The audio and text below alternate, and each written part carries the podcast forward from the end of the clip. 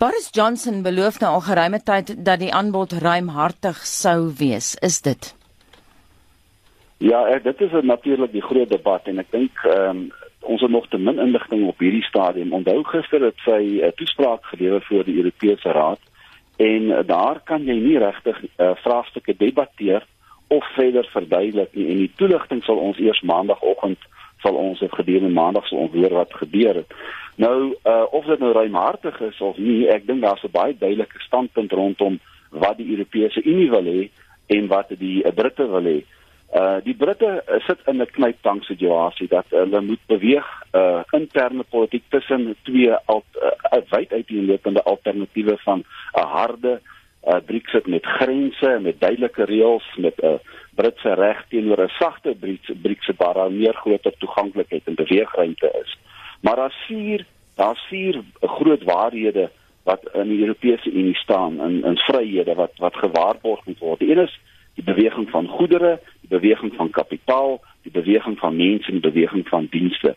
Nou om te kom en te sê maar ons gaan hierdie 3 miljoen akkommodeer uh binne die Britse omgewing. Uh onthou daar's ook 1.2 miljoen wat sy ook nog graag wil akkommodeer in die Europese Unie mm. wat weer Britte is.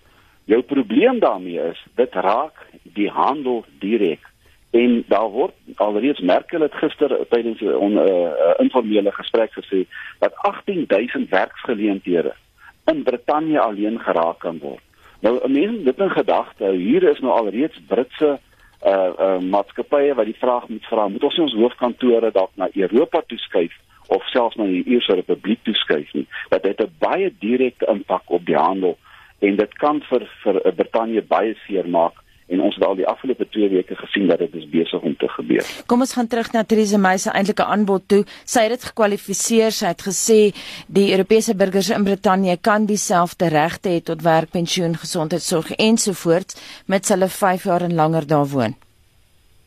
Ja, daar's kyk rondom daai stelling wat sy gemaak het, is haar uh, ontsettend baie onduidelik uh, onduidelikhede. Die een is sy sê die daardie persone sal val onder die die Britse reg Die Europeërs sê nee, dit moet onder Brussel val. Mm. Dis al reeds die eerste die eerste probleem waarmee ons sit. Die tweede een is wanneer begin hierdie 5 jaar loop? Is dit was dit Maart maand hierdie jaar gewees of is dit nou wanneer die onderhandelinge begin? Ons gaan nog 'n hele hier daar's 'n hele klomp vaaghede oor presies wat is hulle medies? Is hulle kinders daarbey ingesluit? Wat gaan die onderwyssituasie wees? Hoe raak dit die familie?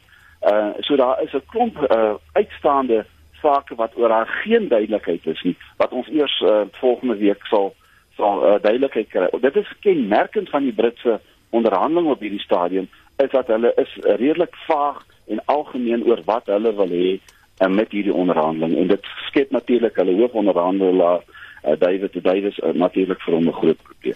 Daar's ander raakplekke. Ek wil terugkom na wat jy uh, voorgesê die EU wil nou hê dat die Europese Geregshof in Luxemburg die arbiter van burgerregte moet wees. Nou die ja. Tory agterbankers skop daarteen vas. Ja nee, dit is uh, kyk daar word dit dit is juist een van die die vir die uh, strydpunte waarmee vraagstukke waarmee die Britte worstel. Die Britte wil graag hulle soewereiniteit herbevestig. En die Tories uh Doris en van die en selfs van die ander arbeidersparty dis is is wyd versprei binne in die Europese om uh ja die Britse omgewing. Is daar 'n gevoel dat hulle soewereiniteit moet hervestig word? En die eerste plek waar jy begin is by die regstelsel. Wat 'n regstelsel geld? En dan die tweede natuurlik die uh Britse uh, globale toegang tot die tot, tot markte hulle wil uit die eurozone uittreë en dit skep probleme vir vir vir Brittanje Ehm um, hulle het self nie eensstemmigheid oor wat hulle wil hê nie. Uh my sit met 'n met 'n verlaagde uh, ondersteuning in die parlement. Dit is nie eers seker in in die, in die uh, Europeërs weet dit. Ehm um, is nie eers seker of sy oor 2, 3, 4, 5 maande nog daar gaan wees nie. Soos wat daar gesê word, jy weet die Ierse Republiek het gesê, uh, sy eerste minister het gesê dat ehm um, uh, uh, Brittanje moet terugkom. Mark Rutte het gesê hy haat Brexit. Ehm um, en baie interessant Macron uh, uh, Macron het 'n uh, baie sterk standpunt gestel oor wie die deur agterdeur is oop maar daar seker goed aan hulle sal moet voldoen. Theo die Europeërs dryf nou al lank die agenda van hulle burgersregte maar hulle plaas ook 'n fokus op hoe die grens tussen Noord-Ierland en die Ierse Republiek daar moet uitsien. Ja, dit is jy sien en, en nou nou sit hulle nog met 'n ander vraagstuk ook. Die hulle sal graag ehm um, die Britte sal graag 'n sagte grens wil hê Ehm um, gaan kyk 'n mens na die ehm um, veral die noordure sal graag 'n sagte grens wil hê. Maar as 'n mens gaan kyk na 'n harde BRICS, dan het dit 'n bepaalde grensimplikasie. Dan is daar 'n bepaalde douane en grensbeheer wat wat wat uh, opgestel moet word. Nou oor hoe dit gaan geskied. Die Britte sal graag uh, lyk dit vir ons meer uh, 'n uh, oop benadering wil hê, maar of dit toegelaat gaan word, is natuurlik 'n ander vraag deur die Europese Unie. Want die Europese Unie wil hulle eie belange ook beskerm in hierdie proses en hulle wil hulle eie identiteit uh wil hulle vestig. So ehm um, dit gaan nie maklik wees vir die vir die Europese uh, vir die vir die Britte om met die Europeërs hier 'n uh, uh, ooreenkoms te bereik. Baie dankie die man wat so sê is die ontleder Theo Becker van Noordwes Universiteit.